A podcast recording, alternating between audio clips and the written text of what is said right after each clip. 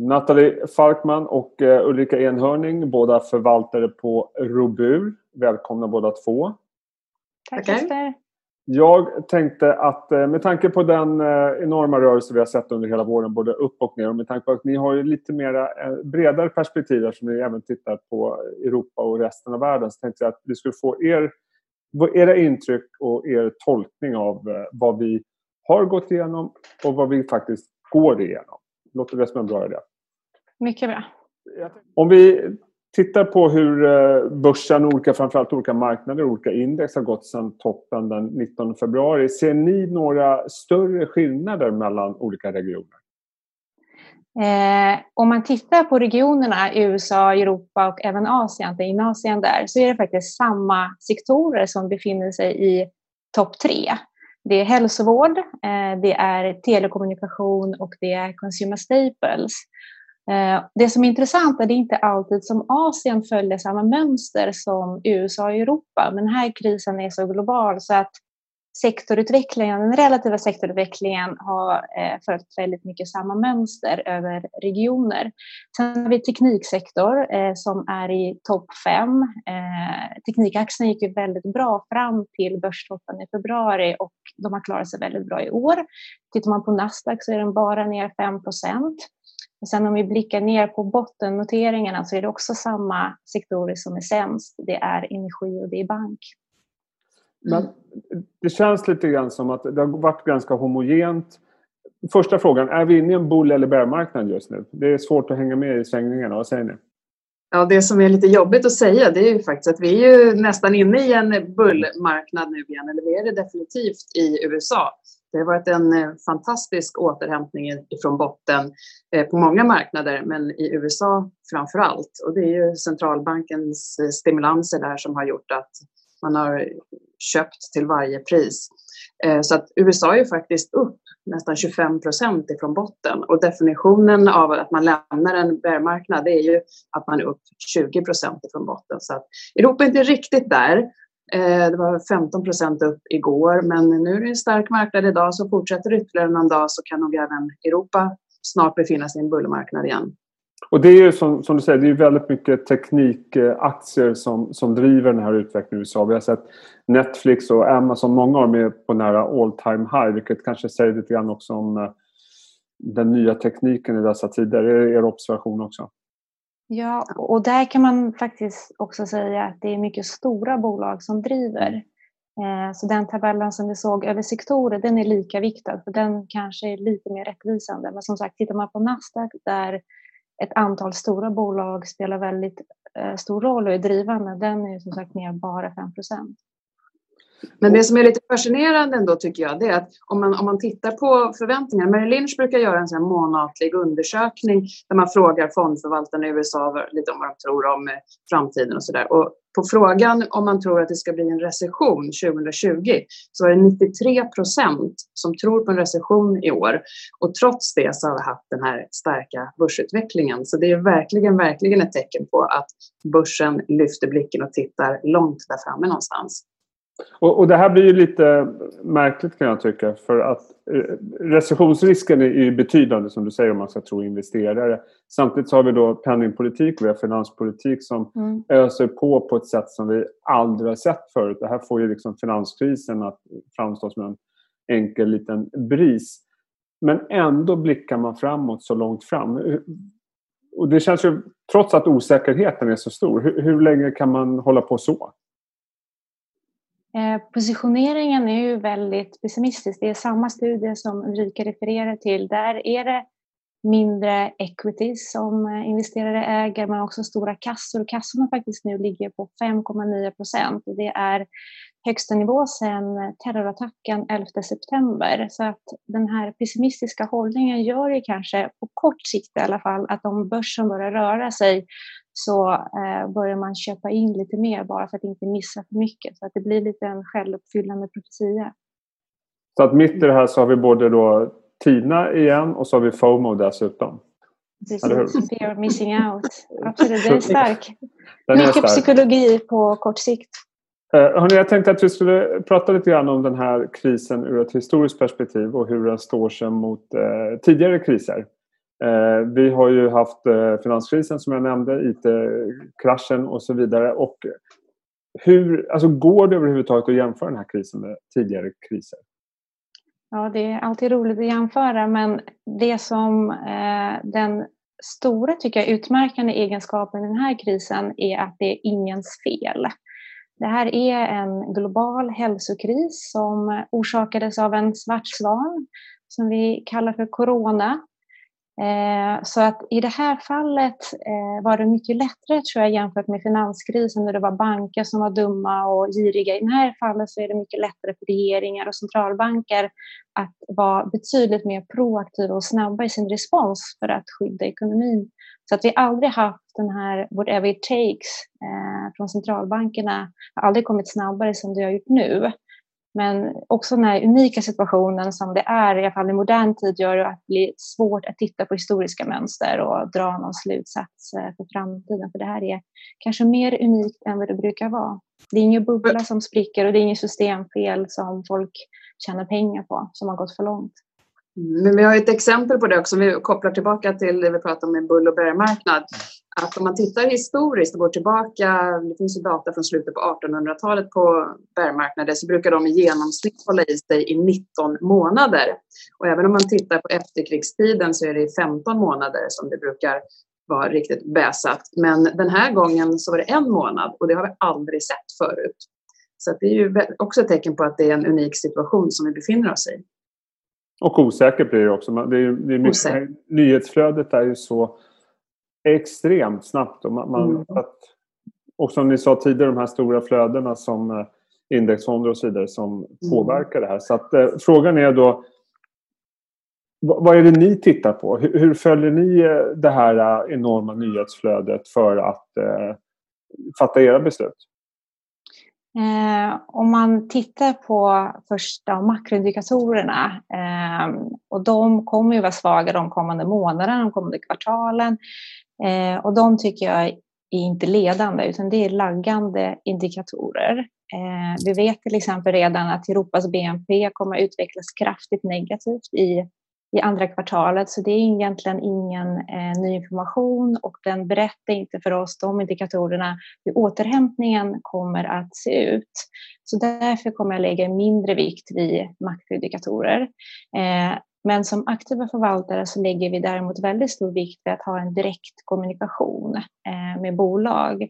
Den direkta dialogen där vi pratar med bolag, eh, försöker förstå deras verklighet bättre idag och hur de ser på framtiden, den är väldigt viktig och den blir kanske än viktigare i de här situationerna.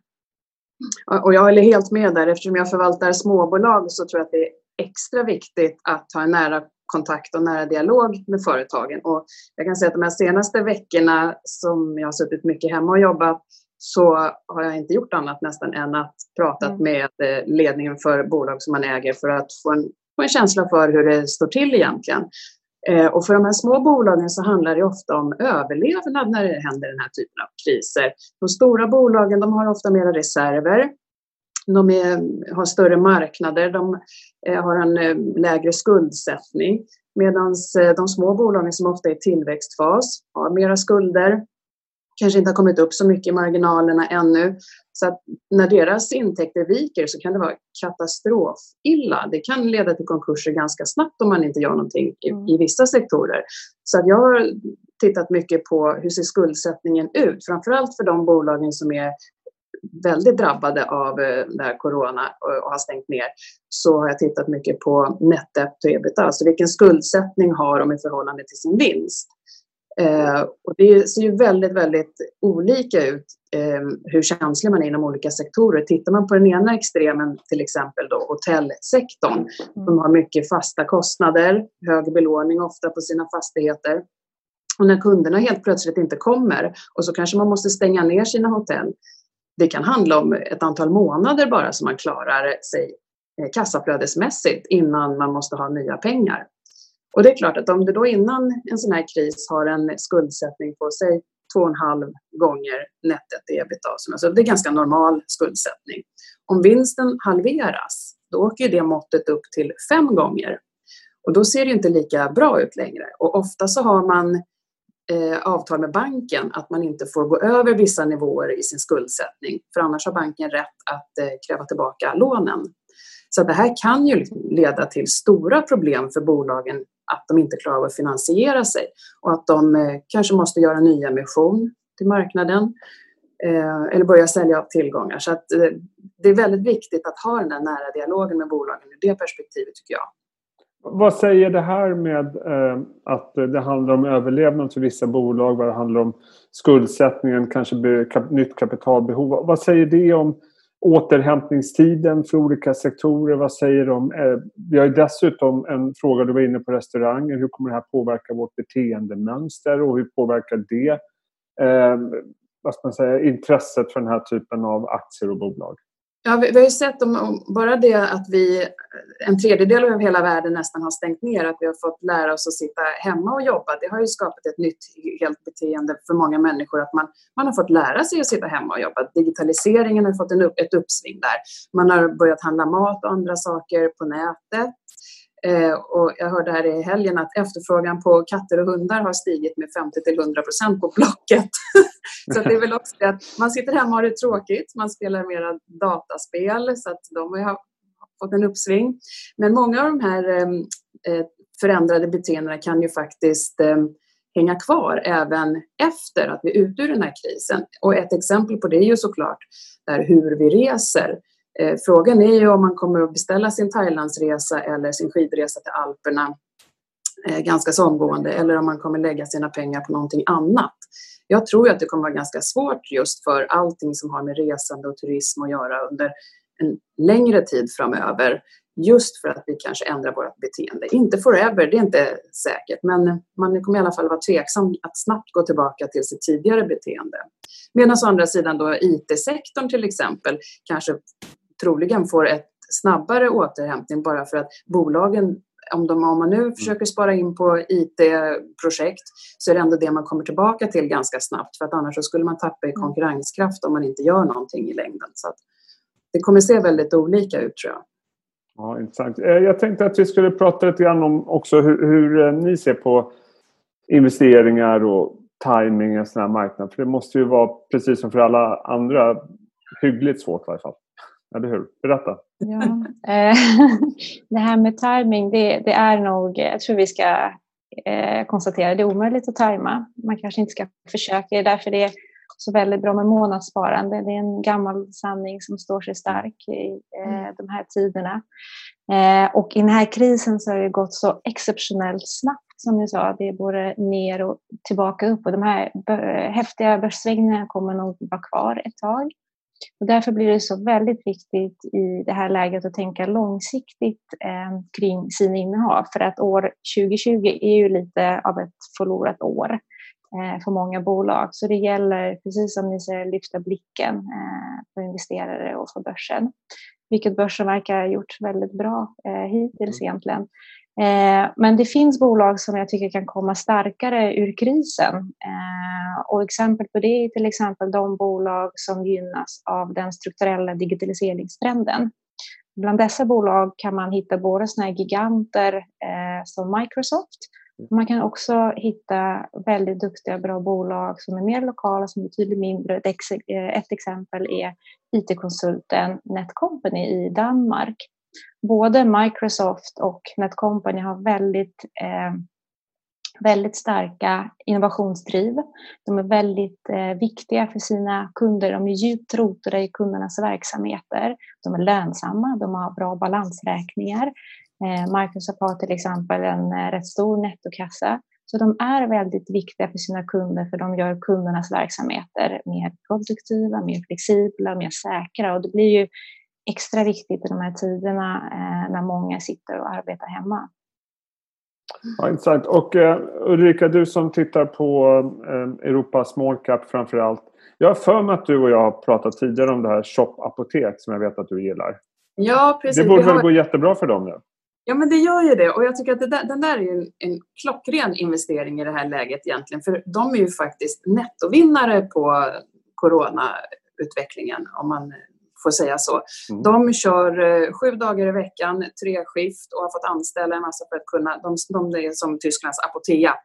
Eh, så att för att kunna sälja och leverera allting som kunderna beställer så måste de Eh, de har till och med fått ta in nya pengar här förra veckan för att ha råd att expandera. Så det är ju någonting som är väldigt positivt för dem. Men Sen har det också kommit nu precis en ny lag i Tyskland som säger att från och med nästa år så måste läkarna erbjuda patienten möjligheten eh, med e-recept. Det har inte varit tillåtet med e-recept, elektroniska recept tidigare. Men från och med nästa år så kommer det vara tvingande att man måste erbjuda det. Så att eh, jag tror att de kommer få ett jätteuppsving i eh, sina intäkter med start nästa år. Och, och sen, ja, förlåt. och sen har du ett bolag till som du pratar om. Vad, vad heter det? Cancom? Cancom, ja. Det är lite ja. på Nathalies digitaliseringstema där också. Det är ett litet tyskt bolag som som hjälper eh, ja, små och medelstora företag framför allt med sin digitalisering. De kan driva hela deras eh, IT-avdelning mm, för att det börjar bli så komplicerat nu med molnlösningar och sånt. Så mindre företag har ofta inte de resurserna att, eh, att göra det helt själva. Så att där är, det är en stor del av Cancoms verksamhet. Så det är ett fint litet bolag. Och uh, Ulrika, innan vi går tillbaka till Nathalie, ser du någon annan uh, trend som uh, kanske gynnas lite grann av det vi ser? Ja, jag tror att man kan titta även lite på hållbarhetstemat. För att innan den här krisen så var många bolag som var exponerade mot som hållbara investeringar var ganska högt värderade. Men de följer precis som allt annat när man sålde mm. på här. Så det, det fanns riktigt, riktigt bra möjligheter att köpa in i fina hållbarhetscase. Så att ett sånt som jag faktiskt har köpt här nu eh, i år som inte ägde förra året, det är Alfen. Det är ett eh, litet holländskt bolag som förut bara producerade saker till, till elnät, men nu har de mer specialiserat sig eh, in mot smart grids och att de gör även laddstolpar faktiskt till eh, ladda el, elbilar. Okej, okay. ett litet Garo kanske, eller? Ja, kan man kanske. säga. Eh, och eh, Nathalie, på samma tema så vet jag att du mm. har ett, annat case som är lite mer välbekant för den stora allmänheten. Ja. Eh, Tesla, precis. eller hur?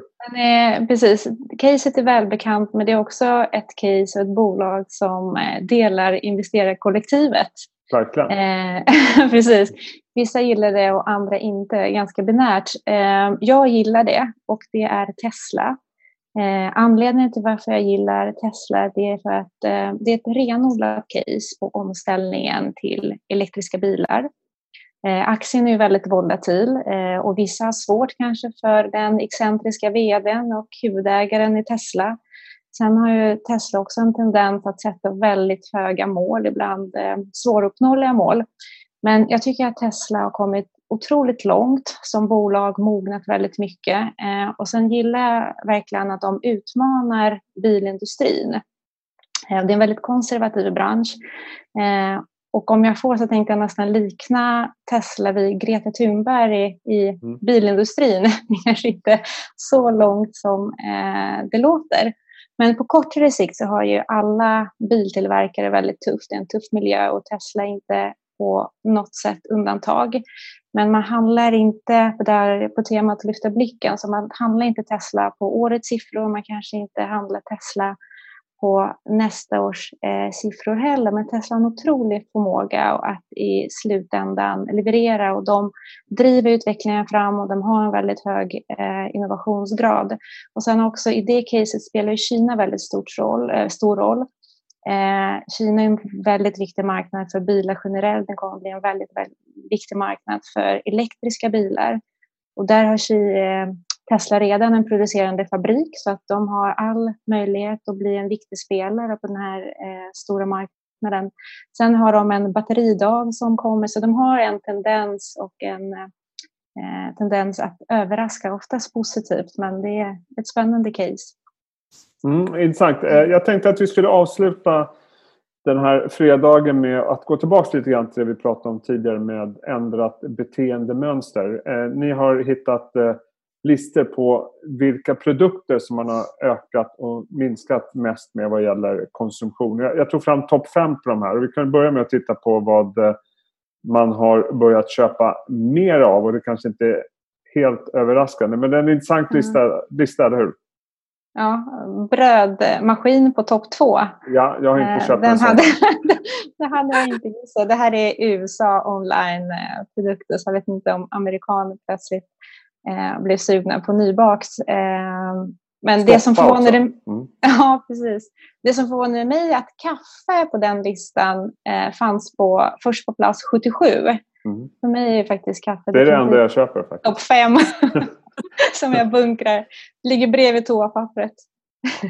Och om man tittar på det som man har eh, slutat köpa så är det ju väldigt mycket reserelaterat. Men vi får även med mm. badbyxor för män. Eh, vilket jag, jag vet inte, det kanske är intressant. Och, tycker vi är väldigt synd. Ja, det är lite trist. Men också då bröllopsklänningar. Och det kanske är mindre märkligt. För det är väl nu man ja. brukar gifta sig vid de här tiderna. Och det är väl Precis. inställt. Mm. Ja. Ja, det, är inte, det, men det här säger en del. Det här var mars månad. ja, Badbyxorna kommer tillbaka ja. kanske. Mm. Ja, vi får hoppas det. Vi hoppas att vi kan åka iväg på någon badsemester sen. Eh, Nathalie Falkman och Ulrika Enhörning, eh, fantastiskt kul att eh, prata med er eh, den här fredagen. Tack för att ni var med och eh, jag önskar er en riktigt trevlig helg. Tack, Tack detsamma. Tack.